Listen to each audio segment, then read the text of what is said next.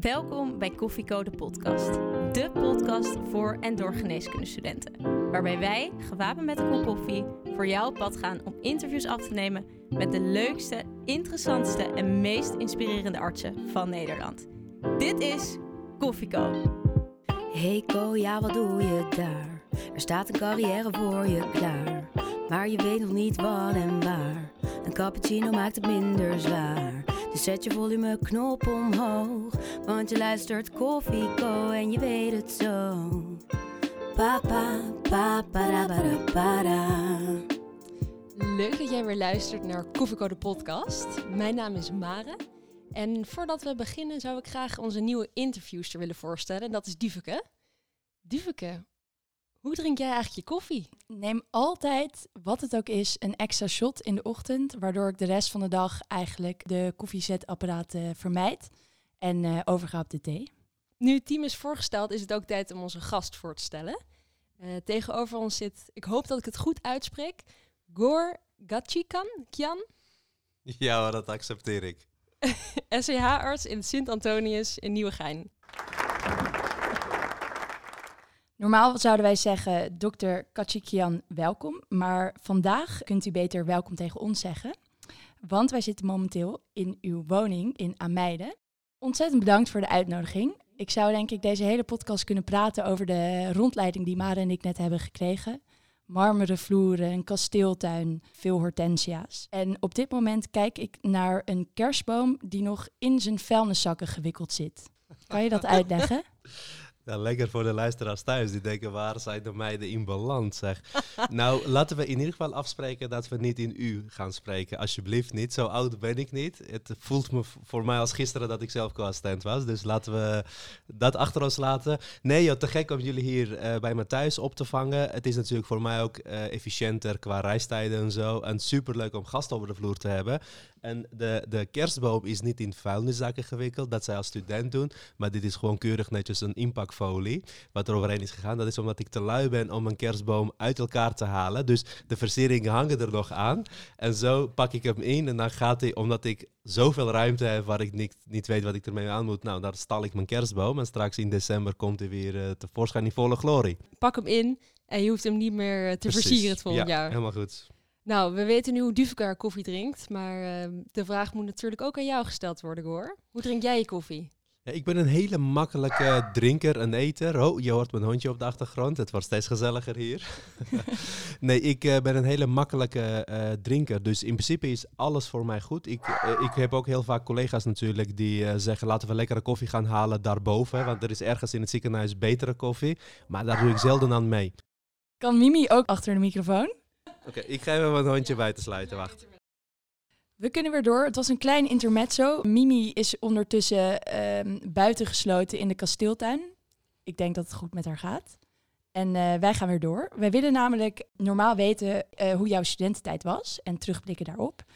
Maar ik denk dat het voor de context belangrijk is om bij, u, bij jou sorry, een aantal jaren eerder te beginnen.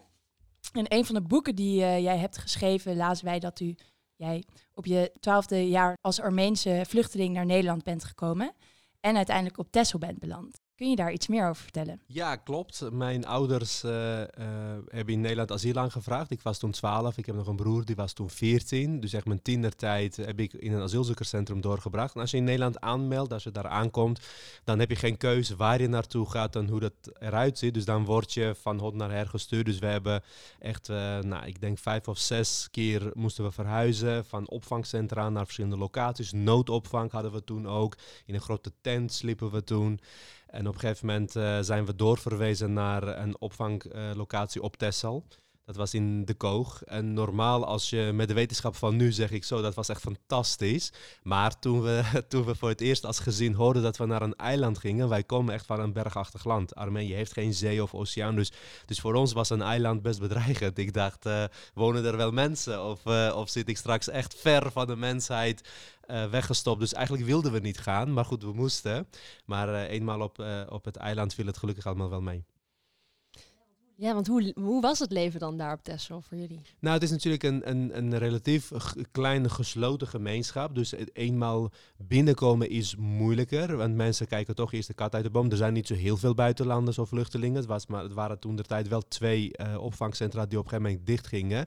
Dus je bent zwaar in de minderheid. Kijk, in een grote stad val je niet op. Daar is men gewend dat je anders uitziet en een andere taal spreekt. Maar op een klein eiland, eh, zeker op de middelbare school, had je maar één klas met eh, de allochtonen, zeg maar. En de rest was allemaal blank. Dus dat, dat is een hele andere manier van integreren, binnenkomen. Je plek veroveren, mensen leren kennen, vrienden maken. Dus dat was in het begin wat moeilijker. Maar mensen waren heel aardig voor me. Dus het is uiteindelijk goed gekomen.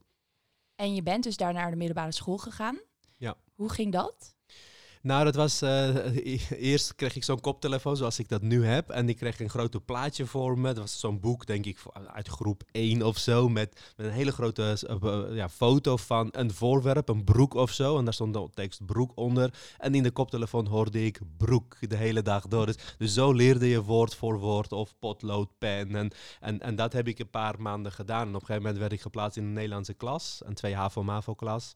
Dat was qua taal moeilijk, maar kijk, Armenië heeft een best goed onderwijssysteem. Dus ik was voor mijn leeftijd nou, redelijk goed geschoold. Alleen, ik sprak de taal niet zo goed. Dus dan heb je altijd een beetje een mismatch. Men denkt dat je minder slim bent, omdat je gewoon niet goed kan communiceren.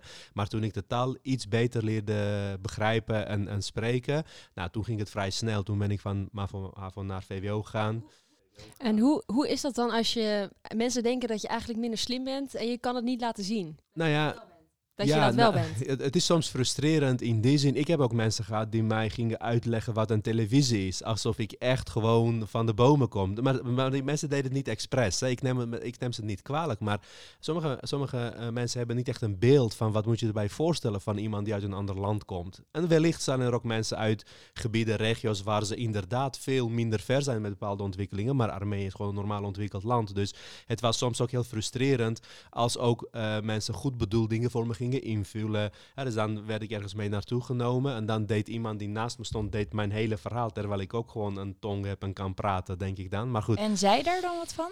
nou, moeilijk, want je, in het begin niet. Nee, je laat het toch gebeuren en je denkt, laat maar zitten. Maar eh, wat je beter kan doen, is mensen echt verantwoordelijkheid geven. Dus je kan beter echt iemand zelf gewoon op eigen benen laten staan. Gewoon zelf dingen laten invullen. Dus die, die fase was heel gek hoor, om, om mee te maken. Maar goed, ja, ik heb het overleefd. En toen, je ging naar, eh, naar school? Ja, ik werd dus eh, op een gegeven moment toegelaten tot een Nederlandse klas. En ehm, ik weet nog goed dat er... ehm, ik zat eind tweede klas, zeg maar. eh, wa- wa- kwam, kwam een leraar met de vraag van... Goh, maar jij bent uitgeprocedeerd. Ze werden bij het land uitgezet. Je hebt er wel baat bij om snel een schooldiploma te hebben. Zullen we je gewoon naar de vierde klas overtillen? Dat- Dat je de derde jaar overslaat als het ware. Zodat je net iets sneller je schoolexamen kan doen. Nou, ik vond het een fantastisch plan. Uiteindelijk ging de school daarmee akkoord, wat natuurlijk geweldig was. En op een gegeven moment zat ik bij de, in de zomervakantie, zaten we bij de, de, de conrector om een profiel te kiezen. Want normaal hoor je dat in je derde klas, van wat voor profiel je doet, maar dat had ik allemaal niet gehad. Dus eh, op een gegeven moment begon hij uit te leggen met al die ingewikkelde, en ik snapte er niks van. En hij, ik weet nog goed, hij schoof die papieren aan de kant en hij zei, wat wil je worden? Ik zei, dokter. Was, ik was dus toen tweede, eind tweede klas. Toen zei hij, nou moet je natuurlijk gezondheid doen. Ik zei, is goed, doe maar. Dus dat was mijn hele profielkeuze. Zo ging dat. Maar goed, die man was ook niet gek. Die zag natuurlijk dat ik helemaal eh, ja, schitterde als ik het woord dokter uitsprak. Want dat was echt mijn passie en ik wilde het zo graag. En waar kwam dat vandaan? Ja, dat is de vraag der vraag. Ik weet het niet. Ik, ik, ik heb veel langer over nagedacht hoor. Maar ik weet wel dat ik als kind al, en mijn ouders zeggen dat ook, eh, vanaf mijn zesde, zevende levensjaar, dat ik zei, ik ga later dokter worden om mensen te helpen. Dat heb ik altijd zo gezegd. En dat is eigenlijk nooit weggegaan. Niks anders was ook een optie. Ik heb nooit overwogen om iets anders te worden. Het is misschien een beetje armoedig, maar dat, dat, dat wist ik al heel snel. En dat zorgde er ook voor dat ik op de middelbare school al bijvoorbeeld vanaf de vierde klas eh, heel graag hoge cijfers wilde halen voor de, de numerus fixus, zeg maar. Hè. We hadden toen de loting of de nou, acht of hoger gemiddeld. Dus ik had echt een doel, een missie. Nou, dat maakte mij heel erg gedreven in mijn schooltijd. Maar ook wel dat sommige kinderen mij echt irritant vonden. Want dat betekende dat ik eh, bijvoorbeeld eh, elk schoolexamen wel een herkansing deed. Al was mijn laagste cijfer een 9, die ging ik herkansen. Oh, zo eentje was jij Zo er, eentje ja. was ik, ja, vreselijk. Nee, maar sommige, ik weet echt, de klasgenoten waren soms echt boos, die vonden mij arrogant. Die, maar, maar ik kon niet anders, want ik wist, elk, elk tiende kan tellen straks. En dat ging om mijn toekomst. Dus ik was echt een kwal, ja. ja. Nou, wel mooi dat die motivatie zo, uh, zo sterk is. En dat heeft uiteindelijk dus ook zijn vruchten afgeworpen. Want je bent toegelaten toen voor geneeskunde. Ja, dus toen belde mijn mentor van de school dat hij de cijfers had. En ik was uh, uh, boven de acht, ruim boven de acht geslaagd. Dus ik had die decentrale niet nodig gehad. En toen heb ik gekozen voor Amsterdam. Ik ben in het AMC gaan studeren. En ik ben al benieuwd, wat, als je het dan zo graag wilde, wat waren je verwachtingen dan van de studie? En kwam dat overeen met hoe het daadwerkelijk was? Nou, mijn verwachtingen. Um, ik, Kijk, op de middelbare school heb ik altijd heel hard gestudeerd, maar dat is omdat ik een doel had. Ik wist, ik moet hoge cijfers hebben. Toen ik eenmaal binnen was bij de geneeskunde, dacht ik van ja, weet je, zes is eigenlijk ook goed. Dus ik hoef niet per se de hoogste cijfers te hebben. Maar ik had wel ergens verwachting dat ik heel hard moest studeren. Alleen heel eerlijk gezegd viel dat heel erg mee. Dus ik werd echt zo'n student die dan na vijf weken niks deed of veel studentenvereniging, bestuursfuncties, dan in die zesde week probeerde alles erin te stampen om een examen te halen. Nou, uiteindelijk heb ik ook volgens mij bijna alle examens twee keer gedaan, geloof ik. Dus, dus je was aan het inhalen van de tijd van de middelbare ja, school. Ja. Dus ik heb... Uh, was je ook een mindere kwal toen? Nou, ik was veel gezelliger misschien wel. Ik was veel meer in. Ik was op alle feestjes. Ik ging vaak als laatste weg. En, uh, dus ik heb, ik heb echt wel proberen te genieten van mijn studententijd. Zeker wel. Uh, maar mijn verwachting was eigenlijk dat ik veel harder zou moeten studeren of veel netter leven moest le leiden. Maar dat viel, dat viel gelukkig mee. Wij zijn natuurlijk co-assistenten, zijn altijd heel benieuwd naar jouw verhalen als co. Nou, je wordt natuurlijk van tevoren bang gemaakt. Hè? En daar begint het mee, zeker voor afdelingen chirurgie of snijdend. Dan word je heel erg bang gemaakt dat je als co een heel zwaar tijd gaat hebben. Dus ik dacht, nou weet je, oké, we gaan het met leven. Maar ik ging wel heel open in. En achteraf viel het heel erg mee. Al maakte ik soms wel hele domme ik, Een keertje, ik zat in de ochtend overdag, dat was in het AMC op de trauma-afdeling. En op een gegeven moment zei, uh, zei de supervisor over een patiënt, die was eigenlijk ontslag klaar. Die moest nog één foto hebben. En in de ochtendoverdracht werd er gezegd tegen de artsassistent, die mij begeleidde, als de foto gemaakt is, dan mag die gaan. Nou, dat had ik dus gehoord. En op een gegeven moment zat ik in de kamer te werken, kwam de verpleegkundige die zei van ja, bij je patiënt op kamer 3, mag die nou gaan of niet? Ik zei, als die foto gemaakt is, mag die gaan. Ja, die foto is net gemaakt. Ik zei, nou, dan mag die gaan. Toen is die patiënt dus naar huis gestuurd. Komt die artsassistent, die zegt, waar is die patiënt op kamer 3? Ik zeg, die is volgens mij naar huis. Hij zegt, maar uh, is die foto dan al gemaakt? Ik zei, ja. Hij zei, heeft iemand er naar gekeken? Ik dacht, oh, hoe is dat dan, weet je wel? Ik had die patiënt gewoon ontslagen zonder dat die foto beoordeeld was. Maar nu komt de grap. Was de foto van een next CWK. Tegenwoordig maken we geen foto's van CWK's meer, maar scans. Maar, en, en toen gingen we kijken en hij twijfelde. Hij dacht dat hij echt een afwijking zag. Dus toen moest die patiënt gebeld worden dat hij terug moest komen. Nou, ik schaamde me kapot. Dat was echt een ramp. Jij moest met de billetjes bloot. Ja, ja, ja, ja, vreselijk. Maar weet je, dat soort domme dingen heb ik wel gedaan. Maar eh, ze, ze bleven wel aardig hoor, dus dat uh, ging goed. Kon je die streberigheid die je op de middelbare school had, kon je die terugvinden in hoe jij was als co-assistent? Um, Nee, eerlijk gezegd niet, omdat daar... Kijk, ik hoefde niet per se te excelleren om iemand iets te bewijzen. Misschien dat daar een, een hele belangrijke les voor mij persoonlijk zat, hoor. Maar nou ga ik een hele andere diepte opzoeken. Ik heb als jonge tiener natuurlijk heel vaak mezelf moeten bewijzen. Als vreemdeling in dit land mijn plek moeten veroveren. Dus ergens was ik ook misschien zo gedreven omdat ik het allemaal zelf wilde kunnen doen. Maar toen ik eenmaal student was en co-assistent, toen dacht ik van ja, ik hoef niemand iets te bewijzen. Weet je, niemand hoeft onder de indruk te zijn van wat dan ook. Dus ik was heel ontspannen. En uh, ik hoefde zeker niet de beste jongetje van de klas te zijn. Helemaal niet zelfs. Ik wilde eigenlijk zo onopvallend mogelijk door het leven doen. Uh, dus dus nee, dat, dat heb ik echt losgelaten. Misschien had je ook het idee dat je er al was door binnengelaten te zijn. Uh, nou, uh, ja, alleen dat idee kwam op een ander moment. Want um, behalve binnengelaten worden speelde voor mij natuurlijk heel erg mijn verblijfsvergunning. Ik had geen verblijfsvergunning. Toen ik begon met mijn studie was echt een wonder. Ik, uh, toen moest ik echt niet opvallen, want ik had eigenlijk geen ik had eigenlijk officieel mocht ik niet eens studeren. Als, je, als, als, als, als de IND het echt had gewild of als er iemand achteraan was gaan, dan hadden ze me gewoon van de opleiding afgehaald. Dus ik heb heel spannend gehad.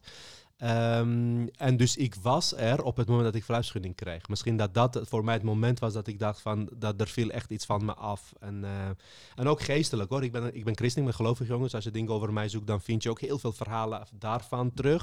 Het is een hele mooie les. Kijk, um, ik zeg altijd, kijk, genade, ja, wat is genade? Zo'n zo super uh, zwaar theologisch woord, maar in feite betekent het is dat je iets krijgt wat je niet verdient.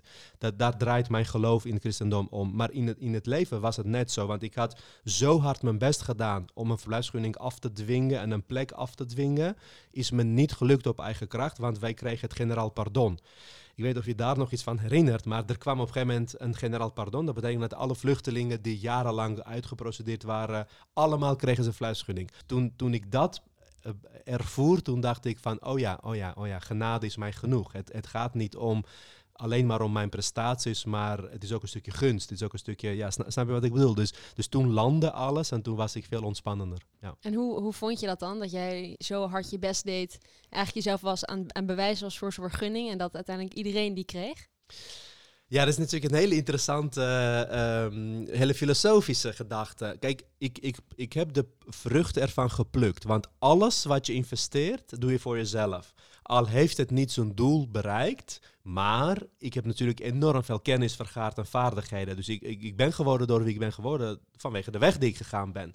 Alleen, het heeft niet geresulteerd in wat ik had gehoopt. Dus um, het gevoel was soms oneerlijkheid, maar het is natuurlijk onzin. Want wie ben ik om te bepalen wat eerlijk is? Hè? En ik ga ook niet over het lot van anderen. Alleen, het is wel een apart uh, moment dat je ervaart van... hé, hey, maar... En in die tijd, ik was heel actief ook op een gegeven moment... Uh, ook, ook een paar keer op de buis. Ik had zelfs debatten bij Vara's Nieuwe Lagerhuis met Mark Rutte gedaan. Dus ik vond mezelf heel wat. Maar toen de generaal Pardon kwam, toen kregen ook de jongens van het AZC die ik kende, die niks deden, die niet eens konden schrijven of lezen, die alleen maar bezig waren met de boel verzieken. En ook zij kregen hetzelfde fluisgunning als wat ik kreeg. Dus ergens voelt het leven oneerlijk, maar tegelijkertijd um, gaat het niet om verdiensten, maar is er een stukje menselijkheid, dat, daarin zijn we allemaal gelijk. Maar ik pluk wel de vrucht van wat ik in die tijd heb geïnvesteerd. Ja.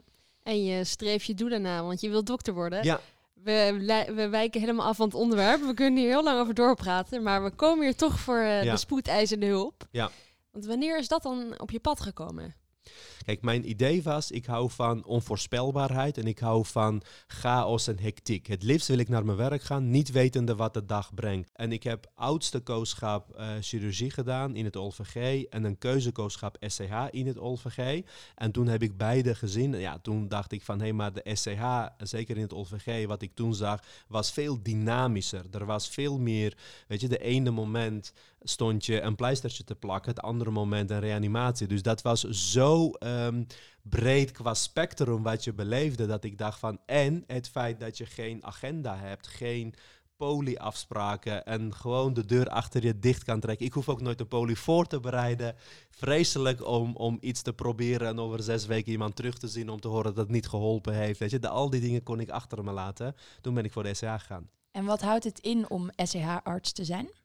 Dat is een mooie vraag. En in Nederland is het nog heel erg in ontwikkeling. En in ieder ziekenhuis is de rol van de SCA-arts iets anders. En dat maakt het iets ingewikkelder. Maar in feite ben je als SCA-arts de superviserende dokter op de spoedeisende hulp. Dus je bent een deel aan het coördineren dat de patiënten eh, snel genoeg de juiste zorg krijgen bij de juiste dokter. Een deel ben je de jonge dokters aan het superviseren. Want heel veel aanjossen die op de spoed staan die kunnen het eigenlijk niet, hè, laten we eerlijk zijn. Dus je moet ervoor zorgen dat die uh, in ieder geval het leren en groeien. En je bent, uh, um, ja, in, in veel ziekenhuizen ben je wel de, de leider van de opvang van acuut zieke patiënten. Dus eigenlijk ben je als SCA-arts, je weet uh, heel weinig over heel veel. Dat, dus, dus je bent heel breed, maar echt, echt uh, super specialistische dingen weet ik natuurlijk niet. En gelukkig maar hoef ik ook niet te weten. Want zodra ik denk van, nou, het is de internist is, heb je natuurlijk de internist die uh, dan, die dan in beeld komt. Dus, dus het is eigenlijk een beetje snoepen en, en allemaal leuke dingen doen. Zou jij de luisteraars willen overtuigen waarom zij voor de spoedeisende hulpgeneeskunde willen kiezen in de specialistenpitch? De specialistenpitch. 30 seconden waarin jij de geneeskundestudenten ervan overtuigt om voor jouw specialisme te kiezen. Yes, wil jij elke dag in een dynamische, chaotische, hectische omgeving werken, niet wetende wat de dag brengt? Het ene moment sta je een corpus alienum te verwijderen uit iemand en het andere moment slecht nieuwsgesprek voeren omdat een patiënt is overleden. Of wil je juist de complimenten krijgen, taart en lekkere snoep van de patiënten, ja, dan moet je spoedeisende hulparts worden, want dan kun je in feite alles. Dankjewel. Superleuk. Ik ben in ieder geval heel erg enthousiast geworden. Kan jij ons meenemen in een dag op de spoedeisende hulp? Ja, dat kan ik zeker doen. En dat is meteen het leukste aan SCH, is dat geen ene dag hetzelfde is. Dus als ik je een dag meeneem, dan zie je niet wat SCH-geneeskunde in de volle breedte is. Ik heb een dag gehad waarbij ik uh, bijvoorbeeld in de, op de parkeerplaats voor ons ziekenhuis een man die voor de huisartsenpost kwam, gecollabeerd was, uh, bleek een geruptureerd aneurysma in de buik te hebben. En dan ren je naar buiten en die man hebben we natuurlijk op een brancard gelegd. En al uh, uh, met borstcompressies, iemand er bovenop, bed rollend naar de shockroom. Dus de hele hectiek dat je dat soort dingen doet. Echt in een dag twee, drie keer. Maar ook een dag dat ik heel weinig spannende dingen doe. Dus, dus het is heel breed, deze geneeskunde. Je, je, eigenlijk alles van geboorte tot en met dood kun je daar meemaken. Ja, en natuurlijk, de SCH is heel populair om op televisie en in series. Ziet het er echt zo uit, de spoedeisende Of hoe, hoe moeten we het voor ons zien? Eh, jullie hebben vast wel het moment in je kooschap dat je op de spoed kan komen. Dus dat moet je ook vooral doen. Maar nee, natuurlijk in het echt is het iets minder romantisch zoals in beeld. Al hebben wij die momenten zeker wel. Maar in het echt is het soms ook wachten. Soms is het heel rustig. En soms doe je hele kleine, eh, kleine ingreepjes. Of, of, dus het is, het is niet alleen maar de hectiek en de chaos. En eigenlijk als SCA-arts ben ik heel, nou, niet altijd hands-on bezig. Dus in een echte chaos wil je een goede leider zijn. Dan moet je juist een stap naar achter zetten en, de juiste mensen op de juiste plekken coördineren. Dus soms sta ik met mijn handen in mijn zak, maar zorg ik er wel voor dat alles loopt. Het klinkt ook inderdaad een beetje organisatorisch. Zeker, ja. ja. En ben je daar ook goed in, vind jij? Uh, ik hou er niet van, maar ik, uh, ik, ik denk dat ik het wel redelijk goed kan. En dat komt omdat ik uh, beslissingen durf te nemen en echt wel leiderschap neem. Dus als ik ergens ben, dan, dan neem ik echt die plek in. Dus dan ontstaat er bijna nooit een machtsvacuum, zeg maar. En daardoor stroomlijnen dingen wel veel beter. Maar tegenwoordig hebben we ook veel te maken met presentatiestops, omdat we te druk zijn, ambulances omleiden, omdat je geen plek meer hebt. Dus je hebt tegenwoordig ook heel veel gevoelige politieke discussies. en ook dat moet je als SCA's kunnen. Want als hè, of, of een ander ziekenhuis dat dicht gaat, dan moeten wij hun patiënten zien. Nou, dat zorgt voor heel veel irritatie bij onze medewerkers. Dus, dus er zijn heel veel uh, aspecten aan SCA-arts zijn. Is echt het, het, het, ja, het uh, leiden van dagelijkse dingen op de spoed. Dus het is echt een spel waarbij de, geen ene dag hetzelfde is. En je, je hebt een enorme teamafhankelijkheid. Uh, dus je moet het als team doen. Ik denk dat sommige specialismes veel solistischer bezig kunnen zijn. Hè? Als je je poli draait, ben je echt gewoon de koning over je poli. Jij bepaalt, jij doet alles. Maar op, op de spoed heb je zoveel betrokkenen, van verpleegkundig tot en met eindspecialisme, dat je ja, ook een stukje diplomatiek je plek moet kennen en weten. Allemaal voor, voor dat ene doel, namelijk dat de patiënt de beste zorg krijgt. Dus het is heel dynamisch, het is, het is heel politiek, het is heel erg qua vaardigheden. Wij doen best veel verrichtingen. Ik doe veel sedaties, veel reposities, veel ingrepen. Dus je bent, je bent ook met de handen bezig en af en toe ook nadenken. Ik vraag me ook af, op zo'n op zo'n spoedeisende hulp, er lopen allemaal artsen langs. Internisten, cardiologen, neurologen, traumachirurgen. Hoe wordt bepaald wie welke patiënt ziet? Nou, dat is, uh, kijk, ziekenhuis is een super geprotocoleerd omgeving. Hè? Dus dat is, uh, daar is over nagedacht. En afhankelijk van hoe, hoe het ziekenhuis dat heeft bedacht, hebben ze een bepaalde invulling gegeven. Hè? Er zijn ziekenhuizen waarbij alle uh, onverwezen patiënten door de SCA worden gezien. Dat betekent de ambulances, 112's en aanlopers. En als een huisarts iemand instuurt, dus een verwezen patiënt, die gaat dan rechtstreeks naar een eindspecialist. En het idee erachter is dat een huisarts weet bij wie de patiënt terecht moet. Maar een ambulance die kan iemand presenteren voor de maagdarm-leverarts met uh, pijn in de epigastrio, die blijkt een hartinfarct te hebben. En als de maagdarm-leverassistent daar te lang over doet om daarachter te komen, heb je toch wel schade aan de patiënt. En de SCA-arts die kijkt altijd breed. Als de ambulance bij mij komt met buikpijn, dan heb ik een veel bredere DD dan alleen een chirurgisch buik of een internistisch buik. Dus het idee is, is dat een onverwezen patiënt altijd door eigenlijk een breed specialisme gezien moet worden, omdat je dan niet in je, in je koker uh, verdwijnt. Dat is het idee. Er zijn ook ziekenhuizen waarbij alle patiënten verwezen en onverwezen door de SC-arts worden gezien. En die gaat dan uh, differentiëren naar een eind gebruiker zou ik bijna zeggen, een eindbehandelaar. Terwijl, al, kijk, als ik een patiënt opvang en in een uur de specialist bel, achterwacht, dan is alles al gedaan wat die specialist had willen doen. Omdat de veel, eigenlijk bijna alles wat we op de spoed doen, dat, daarvan weet ik wat het protocol is voor de MDL, de cardio, de, de neuro. Weet je wel, ik weet wat de neurologen doen als ze tromboliseren. Dus als de neuroloog er niet is, dan doe ik het. Dus, dus het idee is, is dat je een dokter hebt uh, als een soort spin in web, die van alles een beetje weet, um, om de eerste twee uur de patiënt in leven te houden. En een eerste opvang, ik bedoel wat een intensivist de eerste uur doet, kan ik ook. Weet je wel? Dus het gaat erom dat je de eerste opvang, dat je weet waar het om gaat en dat je de juiste therapieën start, de juiste behandeling inzet, uh, zodat de patiënt geen delay heeft. Je zei eerder dat uh, je eigenlijk echt een hele grote drive had om dokter te worden. En ook toen je jonger was, dat je dacht, ik moet mensenlevens redden. Doe je dat? Mensenlevens redden. Nou, ik, ik, er zijn vast, ja, ja, er zijn situaties geweest waarvan ik echt weet van hé, hey, mijn handelen heeft echt wel het verschil gemaakt. Absoluut. Maar het is zeker niet elke dag. Ik zeg wel vaak voor de grap elke dag, ook als ik met familie, vrienden praat, als ik naar mijn werk moet, van ik ga levens redden. En daarmee hou ik mezelf uh, voor de gek. Want het, weet je, heel vaak de aarde draait ook door zonder mij. En, uh, en, en, de natuur is ook mild. En dus, dus, maar maar er, zijn vast, er zijn zeker momenten dat ik weet van hé, hey, mijn direct handelen heeft echt het verschil gemaakt. Absoluut. Ja. En als je kijkt naar jouw collega's, kan je zeggen dat jullie een bepaald type zijn of beschrijven hoe jullie zijn? Ja, overal. Mensen zijn natuurlijk allemaal anders, maar overal uh, zijn wij wel types van no-nonsense. Uh, van, van uh, ja, we houden van hectiek en dynamiek. Er wordt bijvoorbeeld veel motor gereden. dus een beetje snelheid. We houden van. ik denk dat, dat we eerder van bijvoorbeeld actieve vakanties houden dan van op het strand liggen bakken. Dus, dus het, is, het is een type persoon, maar dat heb je ook bij de verpleegkundigen trouwens, SCA-verpleegkundigen, maar ook SCA-artsen en de AIOS. Is een type die van snelheid houdt, van adrenaline, van avontuur, van gek gekte, hectiek, onvoorspelbaar, onverwachts. Een beetje dat. Wel grappig, de SCH-arts op de motor lijkt me toch een van de grootste boosdoeners bij jullie op werk. Nou ja, we zien natuurlijk wel motorrijders die onderuit gaan, maar het, weet je, het leven is gevaarlijk. Daar heb jij dan ehm, meteen super veel sympathie voor. Zeker, zeker, zeker. Daar hebben we veel leuke gesprekken over, ja. ja. Uit wat voor soort hout moet je gesneden zijn om een uh, spoedeisende hulparts te zijn? Je moet in ieder geval tegen chaos kunnen. Uh, want het is een hele chaotische omgeving. Als je heel erg georderd wil werken, dan ga je het moeilijk hebben op een spoed. Want heel veel dingen gaan door elkaar. Je wordt constant gestoord. Je hebt geen rustige omgeving. Dus... En hoe ga jij daarmee om? De hectiek?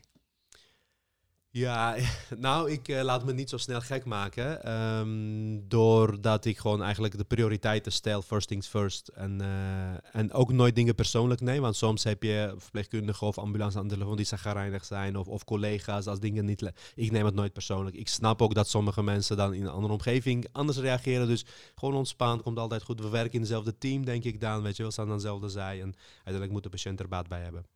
Wat je zei, is dat je dus eigenlijk een patiënt ziet je ziet hem kort en zodra het iets ingewikkelder wordt, dan denk je, nou, ik roep de internist erbij of een ander specialisme. Vind je dat ergens niet ook jammer? Ja, nou doe ik natuurlijk onrecht aan het vaak als ik zeg, als iets ingewikkeld wordt, roep ik iemand anders erbij. Zo, zo, ik bedoel niet zozeer ingewikkeld, maar meer, meeste patiënten die moeten eigenlijk maximaal twee uur op de spoed zijn. Binnen twee uur moet iemand al in kan krijgen. Je moet weten, wat heeft hij, waar moet hij heen, wat is de zorg. Uh, en dan eindigen ze vaak bij een andere eindspecialisme, inderdaad bijvoorbeeld een internist. Dus dat, dat is het vaak. En vind ik dat jammer? Ik persoonlijk nee. Uh, eerst dacht ik van ga ik niet missen om een stukje patiënten follow-up te hebben. Nou, daar moet je van houden, dat moet je liggen. En als je dat, als je dat mist, moet je geen SCA's worden. Duik je nog wel eens het dossier in? Jazeker, want uh, ze, uh, vaak als ik iets, een, een handeling of een verrichting gedaan heb, dan kijk ik vaak terug hoe heeft iemand dat gered. Uh, of bijvoorbeeld reanimaties. Ik heb wel eens hele heftige reanimaties gedaan. Of uh, nou, ik, dat ik mezelf echt een held vond, zeg maar. Dan lees ik terug van, was het ook echt zo? Want uh, heb ik nou de dokter behandeld? Of heeft de patiënt er echt iets aan gehad? Ik heb een keertje met mevrouw echt tot het gaatje gegaan om haar te redden. reanimatie, waarschijnlijk longembolie, getromboliseerd echt tegen beter weten in de zwist moeten we mee stoppen. Ik zei nee, we gaan door. Uiteindelijk met output op de IC en toen kwam familie erbij. Dus ben ik gaan lezen van hé, hey, maar en toen bleek die mevrouw geen kwaliteit van leven te hebben, zwaar depressief, eh, niet meer buiten te komen. De familie zei ze wilde dood. En uiteindelijk na, na weken IC is ze bijgekomen en alsnog uiteindelijk dood gegaan. Nou, dan ga ik nadenken van, goh, heb ik nou die dag vooral eh, mezelf behandeld omdat ik zo goed wilde doen waar ik in getraind ben? En ik kreeg heel goed gevoel omdat iemand met output stabiel op de IC belandde. Maar ja, wat heb ik nou goeds gedaan? En dat is zeker interessant om te volgen, ja. Wat, wat neem je daar dan in mee voor de volgende keer? Dat sommige mensen gaan overlijden is niet altijd te voorkomen. Wat je wel kan doen is iemand een waardig sterven geven. Ook dat hoort bij het doktersvak. Dus zorg ervoor dat je ook soms mensen op een waardige manier laat afscheid nemen, laat overlijden en accepteer dat dat bij het leven hoort. En ja, weet je, ik heb soms jeuk aan mijn hand omdat ik iets wil doen. Maar als het medisch technisch niet per se beter is, moet je het gewoon laten. Alleen dat in het begin, als je nog jong en enthousiast bent, dan ga je er altijd voor. En ik heb in mijn opleiding nog een stage in Kaapstad gedaan, in Zuid-Afrika. Ik heb daar eigenlijk alles gedaan wat ik, waarvan ik had gedroomd. Maar op een gegeven moment komt er een fase in je leven dat je denkt van oké, ik heb het gezien, ik heb het gedaan en nu is het goed zo. En dan word je veel milder en accepteer je veel eerder dat mensen doodgaan. Het is een enorm dynamisch vak. Je bent inderdaad veel in actie. Het gaat ook heel veel over leven en dood. Kan best heftig zijn, lijkt mij. Ja, maar dat, dat hoort bij het leven, de dood. Hè? Dus als, als dokter kun je niet, uh, niet met de dood bezig zijn. Dus en ik ervaar het niet per se als heftig. Het hoort bij mijn vak. Ik vraag me soms wel af hoor. Van, uh, en dat is een terechte vraag. Dan kijk ik in de spiegel eens in de zoveel tijd. En dan zeg ik tegen mezelf: Wanneer heb je voor het laatst gehuild om een patiënt? Ik vraag me dat. Als het antwoord al heel lang is, dan, dan ga ik bij me te raden van, hey, ben ik nog gepassioneerd? Ben ik nog geraakt door mensen? Ben ik nog bezig met het leven of zie ik het alleen maar als een dossier in een vak? Eh, omdat ik persoonlijk denk, op het moment dat het mij niets meer menselijks doet, maar alleen maar professioneel mijn ego streelt, ja, dan moet ik iets anders gaan doen. En ik denk dat mensen dat ook op een moment gaan merken aan ons. Als wij alleen maar bezig zijn met onszelf, van hé, hey, kijk mij eens dingen goed doen, of uh, nee, maar ik wil geraakt worden door een patiënt. En dat is soms heftig, maar laat ook mensen dichtbij komen, dan is het leven veel leuker. En je zei eerder dat je gelovig bent, christelijk, als Ja. ik het goed heb. Ja. Wat voor rol speelt het geloof in jouw beroep als uh, spoedeisende hulparts? Ehm, er is een zo'n mooie zin die zegt: God speelt geen enkele rol in mijn leven. Hij is de regisseur. Want iets wat een rol speelt, hoort erbij. Maar mijn geloof is echt, de, die heeft de regie. En dat is geen rol, dat is alles. En dat betekent dat ik... Maar goed, dat, dat wil niet zeggen dat ik als SCA-arts eh, beter ben dan iemand die niet gelooft. Daar gaat het niet om. Alleen voor mij persoonlijk is dat ik mijn motivatie, drive, maar ook mijn kijk op het leven. Van hè, waar komen we vandaan, wat is het leven waard? Dat, dat, dat haal ik uit de Bijbel. Dat is mijn drive. En dat is mijn strijd, ook mijn struggles. En ik heb ook wel eens dat ik naar de hemel kijk en, en zeg, Heere God, waarom? Hè? Eh, zeker als er iets heel erg heftigs is bij een jong iemand, eh, een slecht nieuwsgesprek of... we hebben natuurlijk vaak op de spoeddiagnostiek, hè, dus eigenlijk de meeste diagnoses worden op DCH gesteld, of veel diagnoses. En dat kan soms heel slecht uitpakken voor een patiënt. Dan heb je een heel emotioneel moment. En dan eh, is het voor mij ook tussen mij en, mijn God, dan, dat, dat ik dan even worstel. Maar soms troost ik de patiënt. Ja, dus dus het, is, het is voor mij een soort van verweven in wie ik ben. Is dat ook iets wat je meeneemt naar je patiënten op de werkvloer, jouw geloof? En ze daar misschien op een bepaalde manier ook hoop durft te geven? Nou, dat hangt er natuurlijk vanaf. Eh ik, ik ben zelf persoonlijk wel altijd open over mijn geloof. Alleen, ik werk natuurlijk in een geprotocoleerde omgeving. Dus de patiënt mag er geen ehm, hinder van ondervinden. Of die mag er niet door benadeeld worden. Maar eh, ik zie het als een stukje extra service. Dus als, als, als echt alles ophoudt, als de patiënt zegt dan... is er dan echt niks meer wat jullie voor me kunnen doen? Dan zeg ik altijd, je kan altijd voor u bidden. Weet je, want als alle opties klaar zijn, als de pilletjes niet meer helpen, als het farmaceutisch kompas het niet meer weet, dan, eh, dan kunnen we nog altijd voor u bidden, zeg ik dan. Ja, weet je, dat, dat, dat heb ik, dat is wie ik ben. Maar los, van- los van mijn geloof, kijk, ehm, me- mensen, patiënten vinden leuk als je breed geïnteresseerd bent, ook in hen. En dat is, eh, behalve geloof, iemands passie. Kijk, mijn geloof is mijn passie. Maar als ik een motorrijder heb die onderuit is geflikkerd met een motor, dan heb ik altijd de belangrijkste vraag is natuurlijk wat voor motor rijden. En, en, eh, maar, maar, maar waarom het een cultuur is. Hè? Sommige motorrijders, of veel motorrijders, die, dat is echt hun passie. Dat is ook een soort geloof, toch? is ook een soort geloof. Dus daar kun je helemaal in jezelf verliezen. Daar ga ik altijd op in. Ik had, eergisteren was een jongen uit België. En op een gegeven moment had hij grote verwondingen over zijn been door glas gezakt tijdens een kamp met nou, sportenspel.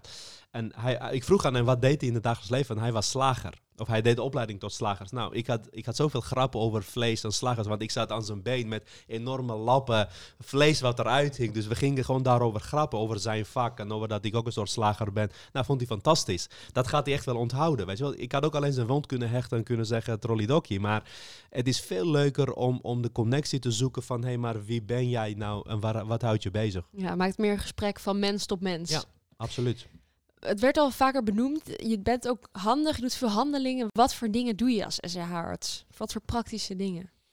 Nou, wat we veel doen is natuurlijk reposities. Alle breuken die scheef staan rechtgezet moeten worden. Luxaties, een heupluxatie bijvoorbeeld.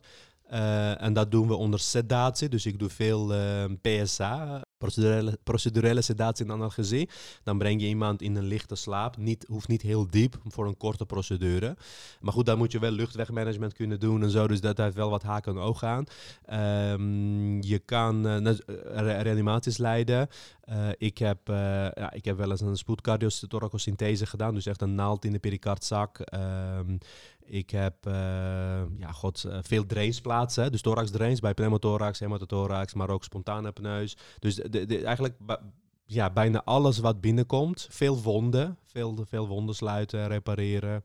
Ik heb, wat, wat ik al kort al zei, in Kaapstad heb ik daar op de spoed gewerkt. En daar was ik eigenlijk op een gegeven moment de enige senior dokter. Dus ik moest echt alles doen daar. We hadden geen chirurg in huis, geen anesthesist. Is een groot verschil daar met ja, wat je daar ziet en hier ziet? Ja, heel groot verschil. Ik deed daar in één weekend, zo in één nachtdienst, kon ik zo 10 tot 15 uh, uh, steekwonden thorax hebben of schotwonden thorax. In één nacht, hè? Zo. Dat zie je hier in tien jaar niet, in, in een perifere ziekenhuis. Maar daar deden we dat elke dag. En, en daar heb ik echt veel chirurgische luchtwegen gedaan. Dus omdat de hele mondbodem weg was, een keertje een mes in de hals. Dus, dus op een gegeven moment ben ik gewoon direct in de trachea. Dus je, je, je wordt steeds creatiever. Uh, katheterzakjes in de carotis gestopt, opgeblazen om bloeden te stoppen. En weet je, dus daar, dat, dat soort dingen zijn leuk om te doen. Ze overleven het niet allemaal. Is het voor een spoedeisende hulparts ook de place to be, Zuid-Afrika? Als je van uh, ellende houdt, niet alleen spoedeisende hulpartsen, maar ook een anesthesist of een traumachirurg, die moet echt, uh, die zou eigenlijk een tijdje daar moeten gaan werken. Want daar heb je zoveel exposure, wat je hier niet hebt. En je hebt daar geen keus. Er is niemand anders die het doet. Dus jij moet daar eigenlijk alles doen. Ja. ja, Het, uh, spoedeisende hulp, het is, je bent zo breed. Je doet eigenlijk van alles wat. Het is heel leuk, want tegenwoordig is alles super gespecialiseerd. Maar hoe zorg je dat je goed blijft in alles? Is een goede vraag. Kijk, de meeste dingen wat we doen, dat, doen we, dat komt vaker voor. Hè? Dus bijvoorbeeld zo'n PSA, zo'n sedatie met luchtwegmanagement. Ja, dat doe, je echt uh, tientallen per jaar, misschien wel honderd of meer per jaar. Dat komt, komt best vaak voor. Maar ook drains, weet je. Dus, dus in principe wat we doen, doen we vaak.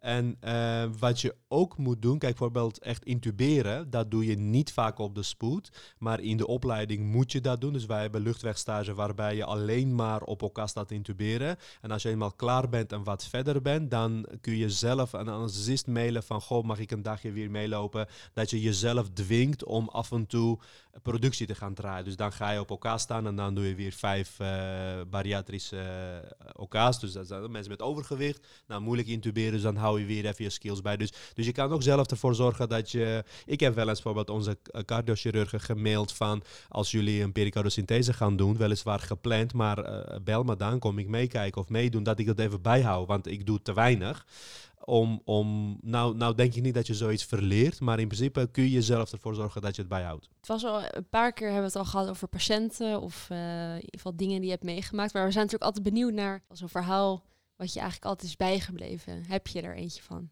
Deze was een mevrouw die eh, kwam vrij laat op de spoed. Alleen haar voorgeschiedenis was zo uitgebreid met psychiatrie dat je al bij voorbaat denkt: oké, die is gek. En daar heb je geen zin om naartoe te gaan. Die spoort niet, dit klopt niet. Weet je wel, nou, dat zul je ook wel kennen, denk ik, als co-assistent. Juist, vreselijk. Maar goed, ik ben toen naar haar toe gegaan, slecht verzorgd. En, en, en zij zegt van, ja, ik heb last van mijn arm. Ik dacht, god, daar gaan we weer. En ik kijk naar die arm en ik denk van, hé, maar die arm die, die valt er echt zo af. Dus die, die, die, ze, had, ze had namelijk echt arteriële afsluiting. Dus die arm die was echt acuut bedreigd. En ik dacht, hè, is zij nou gek of ben ik nou gek? Er moet hier iets zijn. Toen heb ik wel meteen hoog ingezet. Ik zei, ja, maar wacht eens even, dit is echt gewoon acute situatie. En toen ehm, nou, heb ik meteen uh, de vaatchirurg gebeld van, ik heb echt een bedreigde arm. En op een gegeven moment nou, van alles gedaan. En, en zij is toen verder gegaan uh, naar de afdeling. En dat is een heel dun lijntje. Dat zijn wel momenten die indruk op mij maken. Puur omdat ik weet hoe weinig zin ik had om naar haar toe te gaan. Dat weet zij niet. Zeg het is eigenlijk een beetje het nadeel van het patiëntendossier, hè? Ja, dat ook, je in de voorgeschiedenis ook, kan kijken en er toch niet helemaal onbevoordeeld ingaat. Dat sowieso. En, en dat, soort, dat soort momenten blijven, blijven wel hangen. Of berichten die je soms op social media krijgt. Tegenwoordig, sommige mensen zoeken je echt op. Hè? Dus op, op, op social media en dan sturen ze een bericht. Heb ik ook wel eens gehad. Patiënten. Patiënten, ja. Vaak wel positief hoor. Vaak wel positief, maar... Uh... De co-telefoon. De co-telefoon. Dit is een, vraag ingestuurd door een van onze luisteraars. Die komt altijd op een moment dat je hem niet verwacht. En nu is de vraag van Soete. Hoe vaak wordt er nou eigenlijk gerend op de spoedeisende hulp? Nul keer. Als het goed is, nul keer. Want je moet sowieso nooit rennen. Op een spoedeisende hulp al helemaal niet. Snel wandelen is wel oké? Okay? Snel wandelen is oké, okay, maar belangrijker nog is dat je rust en kalmte bewaart. Want als je ergens rennend binnenkomt, is er meteen chaos. Terwijl je ook heel cool daar binnen kan komen en de situatie over kan nemen zonder dat je hoeft te rennen. Er waren heel veel vragen ingestuurd, dus we pakken er nog eentje. Een vraag van Annalena. En zij vraagt, hoe kijk je ernaar tot aan je pensioen in diensten te werken? dat is een goede. De, de, deze, zij denkt tenminste over, nou, over wat voor leven hoort erbij. Nou, ik moet heel eerlijk zeggen, ik kijk sowieso niet naar om tot aan mijn pensioen te werken. Überhaupt niet. Uh, ik vind werken super leuk hoor, maar het leven is nog zoveel meer dan werken. En in diensten um, functioneren is wat mij betreft juist beter dan elke dag om uh, zeven uur uh, de deur uitgaan. Dus ik ben absoluut geen ochtendmens. Dus ik doe graag avond en nachten. En in de diensten blijven werken. Als je maar regelmatig, onregelmatig werkt, dan went dat. Dus eigenlijk vind ik mijn situatie nu veel gezonder bij mij passen dan als ik kantoortijden zou werken. Dan gaan we nu hebben over de opleiding. Dat is een opleiding van uh, drie jaar als je fulltime doet op dit moment. De meesten doen er langer over, omdat bijna iedereen tegenwoordig parttime wil. Maar uh, en de sollicitaties zijn één keer per jaar landelijk. En er zijn zoveel sollicitanten en heel weinig plekken. Als je eenmaal binnen bent, doe je veel stages natuurlijk. Bij, bij verschillende spoeddisciplines. Zoals? Nou ja, bijvoorbeeld de traumastage, een neurostage om echt de acute neurologie te doen. Longstage, waarbij je veel uh, uh, longspoed uh, doet. Dus je, je moet wel van de grote uh, specialismes die SCH-bezetting nodig hebben, moet je wel de, de spoed kennen, zeg maar. En is drie jaar dan genoeg? Nou, daar is veel discussie over. Uh, men, in, in, feite niet, want ja, voor, voor geneeskundige opleiding is het nooit genoeg eigenlijk. Want na die drie jaar, een beginnende SC-arts, die heeft nog niet de ervaring waarschijnlijk om... Uh, maar aan de andere kant, je kan wel um, de eerste twee, drie jaar van als je SC-arts bent nog natuurlijk heel vaak terugvallen op eindspecialismes. Als je maar het spel goed kan spelen, als je maar weet om de eerste opvang te kunnen doen. Zoals je net al zei, is de spoedeisende hulp arts of geneeskunde redelijk nieuw. Volgens mij is het sinds 2008 een erkende opleiding en slechts 550 werkende SCH-artsen in Nederland. Als je de definitie van medisch specialisme hanteert, zoals die nu is, dan voldoet SCH-geneeskunde daar niet aan. Maar Waarom het is een KNMG-profiel-specialisme. Uh, Waarom niet? Dat heeft te maken met uh, dat er een college is die op een gegeven moment moet zeggen, dit is een erkend specialisme. Een van de belangrijke factoren daarin is je wetenschappelijke achterbaan En de SCA-geneeskunde is nu zo jong dat er heel weinig wetenschappelijke productie is. Hè? Want eigenlijk wil je dat er eh, heel veel gepubliceerd wordt vanuit een vakgebied. Er zijn tegenwoordig steeds meer AIOS'en die gepromoveerd zijn, maar vaak zijn ze gepromoveerd bij andere specialismes. Er zijn wel ehm, mogelijkheden om binnen de SCA-geneeskunde dat te gaan doen, maar het is echt heel minimaal. En ben jij gepromoveerd? Nee. En er is dus één keer per jaar een landelijke sollicitatie. Ja. Er is veel animo, vertelde je. Ja. Waar selecteren ze op? Eh, dat is een goede vraag. Kijk, de meeste ANIOS die nu solliciteren, die hebben ervaring van drie tot vier jaar als ANIOS. Dat is echt best fors, vind ik. Ja. Ehm, binnen nou, IC, SCH, cardio, eh, dat wordt allemaal op prijs gesteld.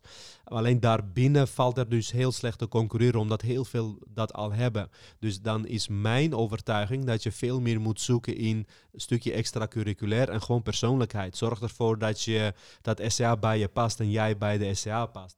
En eh, je noemde het net al tussen neus en lippen door. De ANIOS'en die op de spoed komen werken, werkervaring komen opdoen. Maar dat eigenlijk nog niet heel erg hebben. Hoe, hoe kunnen zij het beste te werk gaan dan? Hoe kunnen zij zich zo goed mogelijk ontplooien op de spoed? Kijk, wat je eh, als ANIO, zeker als beginnend, als het je eerste baantje is, wat ik zeker aanraad om SCH en IC te doen als dokter, wat je ook wordt, je moet eigenlijk SCH en IC gedaan hebben. Want dan zie je echt wat geneeskunde eh, op zijn best is, zeg maar. Maar ehm, als ANIOS probeer zoveel mogelijk ehm, eh, supervisie te vragen over dingen die je nog nooit gedaan of gezien hebt. Want maak gebruik van die mogelijkheid. Want de SCA's die staat op de vloer, die kan met je meekijken. Die kan je dingen laten doen en laten zien. En vraag echt bij alles, mag ik het doen? Mag ik het doen? Ik deed het als co-assistent. Als ik als co-assistent bij een reanimatie stond, vroeg ik altijd, mag ik infusie prikken? Mag ik dit doen? Mag ik, mag ik een botbord plaatsen? En soms vonden ze me irritant, maar heel af en toe kreeg ik een kans. Dan zeiden ze ja. En dat waren echt wel mijn gouden momenten. Iedereen vet jaloers natuurlijk, maar als je niet vraagt, krijg je het ook niet. Dus assertiviteit wordt beloond. Zeker, zeker, zeker. Ik had laatst gingen we een heup reponeren. Het waren drie ANIO's die het nog nooit hadden gezien. Nou, die stonden allemaal eh, in de kamer, was een, eh, een drukke boel, om gewoon allemaal te zien en het volgende keer zelf te doen. En vind jij dat leuk, dat opleiden? Hartstikke leuk. Eh, afhankelijk van eh, de houding van de artsassistent. Kijk, ik heb heel eerlijk gezegd hoor, ik hou van opleiden. Maar er zijn ook soms assistenten, ANIOS'en, die echt niet geïnteresseerd overkomen. Nou, dan ben ik klaar, dan doe ik het ook niet. Dan, want het kost mij veel minder moeite om dingen zelf te doen dan om het jou uit te leggen. Dus dan ga ik liever zelf mensen wegkijken. Ben ik veel sneller klaar dan dat ik iemand ga leren die gewoon denkt van, nou, het zal allemaal wel. Naast dat we natuurlijk eh, heel benieuwd zijn wie Gore is op werk, zijn we ook altijd heel benieuwd wie je dan bent buiten het ziekenhuis. En toen wij even gingen rondsnuffelen, eh, kwamen we allemaal eh, berichten voor jou tegen. Je bent heel veel in het nieuws en in de kranten en op televisieshows. Hoe is dat zo ontstaan? nou, het is, het is eh, pas echt. nou, hoe zal ik het formuleren? Het is veel groter geworden in de COVID-tijd. Ehm, omdat ik eh, tijdens de COVID-tijd werd gevraagd om te gaan vloggen. Ja, ja vloggen met, met zo'n van die zelfvideo's, zeg maar. En eh, voor frontberichten. Dat is natuurlijk dat is best groot geworden. Had ik niet verwacht hoor. Ik dacht eerst één vlogje hadden ze gevraagd. Prima, opgenomen aan het einde van mijn dienst. Weet je wel, zo'n twee minuten ingestuurd en gaan slapen. Nou, binnen een week eh, wilden ze dat ik bij opeen zou komen zitten. Nou, de eerste vond ik nog wel heel erg leuk om dat te doen. En toen ik daar zat, ja, dat, dat, dat bracht zoveel reacties positief teweeg dat ik daarna benaderd ben door allerlei tv-programma's en dat, dat werd een soort sneeuwbal, zeg maar. Maar wat was het dan waarom die journalisten zo geïnteresseerd waren in jou?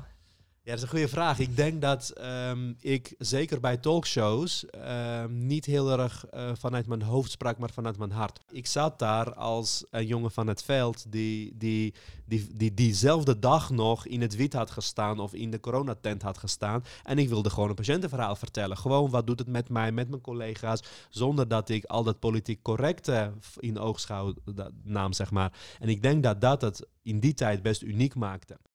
En maakte dat jouw collega's anders naar jou gingen kijken?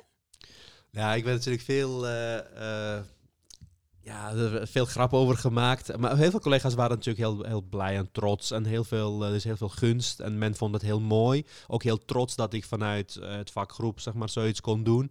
Uh, en natuurlijk ook de nodige ja, zelfspot. Maar ook, er was bijvoorbeeld een keertje, dat was wel een negatieve ervaring hoor, wat, wat de collega's mee aan de haal gingen. Ik had een interview gegeven, volgens mij was dat AD. En ik had daar gezegd dat wij op de spoedeisende hulp, dan, dat is vaak ik een verpleegkundige bij de triage zeg maar, dat wij bespreken of een patiënt nog naar de IC kan of niet. Dat was mijn zin. En zeiden de titel van het artikel gemaakt. Deze dokter bepaalt of u naar de IC gaat. Punt. Lees verder op pagina 5. En een grote foto van mij erbij gezet. Ik vond het zo erg. Hè? Ja. Dus toen gingen de collega's, die gingen voor de grap bij bellen van... En mag ik naar de IC? Want jij bepaalt toch alles? En dat, ik vond het zo erg. En nou, dat heb, daar hebben ze natuurlijk veel uh, grappen over gemaakt. En, maar dat soort dingen maak je dan ook mee. En, en dan probeer ik uit te leggen. Mensen die mij kennen, die weten ook hoe zo'n interview dan gaat. Weet je. Maar dat, dat is wel de keerzijde hoor. Ik heb ook wel wat naar. Uh, mijn sensatielust, zeg maar, bij journalisten, dat is heel, heel slecht bevallen. Eigenlijk doe ik bijna geen geschreven interviews meer. Gewoon puur vanwege dat soort dingen niet. Over geschreven gesproken. Je hebt ook wat boeken geschreven, als we het goed hadden gezien. Ja, ik heb er nu vier. Uh, de eerste heet Gelukzoeker. Dat is een beetje autobiografisch over mijn leven in Nederland als jonge tiener. Uh, daarna heb ik het boek Gastarbeider geschreven, Verhalen van Hoop op de Spoed. Dat zijn twaalf verhalen, bijzondere ontmoetingen met patiënten. Daarna heb ik nog een boek geschreven dat heet Genees de zieke, een Q&A, dus vraag en antwoord over genezing met een dokter en een prediker. Dus ik heb het samen met een dominee geschreven, waarbij we het aspect ziekte en gezondheid in een breder context plaatsen dan de geneeskunde of dan de theologie, namelijk de combinatie van die twee. Want hoe ga je om met ziekte als mens? Is superleuk natuurlijk. En de laatste is de coronacrisis, verhalen van uh, um, de frontlinie. Dus dat, dat, uh, dat heb ik eigenlijk in de coronatijd geschreven over mijn beleving. Wauw, vier boeken hè? Ja. Dan neem ik aan dat je van schrijven houdt. Waar is dat ontstaan? Nou, het begon eigenlijk bij mij met vertellen. Ik hou van verhalen vertellen. Dus ik spreek heel veel ook uh, in We hebben een goede gast gevraagd. Ja, precies, ja. Het is wel een manier om iets na te laten. En zeker als je ergens bent geweest of je hebt gesproken. Als mensen dan tastbaars nog iets mee kunnen nemen, ja, dan heb je natuurlijk veel meer impact. En je vertelde, je weet nog niet zeker of je tot je pensioen wil werken. Heb je andere dromen voor je oude dag? Nou, eigenlijk weet ik zeker dat ik niet tot mijn pensioen door wil werken. Nou, misschien niet werken in de huidige vorm, hè, want werken vind ik superleuk. Tot hoge leeftijd uh, kots over me krijgen, bloedspetters en uh, al die dingen hoeft op een gegeven moment denk ik niet meer. Dus ik, ik ja, ik, ik, ik, ik denk dat er zoveel mooiers in het leven is dan alleen maar je tijd in het ziekenhuis doorbrengen. Dat ik zeker dat niet ga blijven doen. Dus andere dromen, ja, ik ben betrokken bij allerlei goede doelenprojecten in Armenië, het land waar ik vandaan kom. Daar zou ik wel veel meer in willen investeren later. Uh, veel meer in de theologie, dus veel meer schrijven, meer spreken. Uh, eigenlijk de hele mens Um, ik wil me bezighouden met de mens. En geneeskunde is daar een deel van. Hè. Het lichamelijke pijn is, is een één onderdeel van een veel mooier, groter mens. Dus ik wil meer tijd voor, uh, voor de rest van de mens hebben. Ik denk dat dat wel een mooie conclusie is ook van uh, dit interview. Je bent echt een mensenmens. Op alle vlakken hou je echt van hoe de mensen in elkaar uh, zit, voor mijn gevoel. Is er een mens die jij echt ziet als jouw rolmodel? Um, poeh, dat is een moeilijke vraag. Nou, Waarom benadruk je een mens? Nou, kijk, ik heb wel als um, jonge dokter zeker rolmodellen gehad. SCA-artsen die mij zo hebben geïnspireerd dat ik dacht, zo wil ik worden. Mijn grootste rolmodel of eigenlijk inspiratiebron is denk ik... Ja, maar dan is de, de, de, de vraag die jij stelde als, is er het een mag mens? geen mens zijn. ja, precies, ja. ja, dan is het voor mij toch echt Christus. Ik ben echt wat dat betreft, de Bijbel is voor mij de belangrijkste inspiratiebron. Ja. Nou, ik denk dat het nu tijd is voor het doktersdilemma. We geven twee stellingen en dan. Uh, ik hou van dilemma's, kom maar op. Het doktersdilemma. Het leven bestaat soms uit lastige keuzes. Denk niet te lang na en geef snel antwoord. Een bruine boterham met Old Amsterdam kaas of Josh? Dat laatste weet ik niet wat dat is. oh, moet het Armees zijn? Het Armees. Wil je zeggen chash waarschijnlijk? Chash is gewoon eten. Het is gewoon, dat is gewoon, uh, dat is geen, dat is geen gerecht of zo. Dat is een, uh, kun je zeggen bijvoorbeeld tolma. En dat, welke kies je ja, dan? ik voor tolma, zeker, zeker, zeker. Een gecompliceerde fractuur of een trombolyse patiënt? Een gecompliceerde fractuur. Psychiater of neurochirurg? Neurochirurg. Terug naar vroeger, de nostalgische tijd zonder telefoons. Of een fast forward naar de toekomst. Terug naar vroeger. Engel Gabriel of de barmhartige Samaritaan? Barmhartige Samaritaan. Nog snel Vlieland of Schiermonnikoog. Tessel. Een luie of kattige verpleegkundige? Kattig. Ik denk ook, als ik zelf kijk naar de keren dat ik op de spoedeisende hulp was, dan waren die eigenlijk nooit lui en altijd, of niet altijd, maar wel eens wat meer kattig en dat werkt. Klopt, ja. Volgens mij ging het je wel goed af. Had je eentje waar je moeite mee had om te kiezen? Ja, Vlieland of Schiermonnikoog. Ga je nog wel eens terug naar Texel? Eh, niet heel vaak, maar eh, twee maanden geleden was ik er nog, ja. We hebben ontzettend veel van jou gehoord. Het was echt een heel mooi en interessant, inspirerend interview. Je hebt eigenlijk al heel veel tips gegeven tussendoor. Maar wat is nou echt die laatste tip die jij onze luisteraars zou willen meegeven? Om ehm, de patiënt te zien, eh, veel meer dan alleen de klacht, maar ook de collega, de dokter, de supervisor, om die te zien als veel meer dan de professional die een vak uitoefent. Want uiteindelijk onder de witte jas schuilt er vaak een heel mooi mens.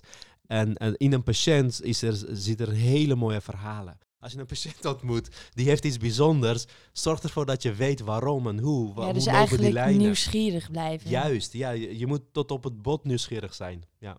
Nou, lieve luisteraars, dat was het weer. Vanuit Ameide maken wij nu een eind aan dit gesprek. Dankjewel voor het luisteren. Dankjewel Gor voor vandaag. Tot ziens. Dag. Pa pa pa para para para.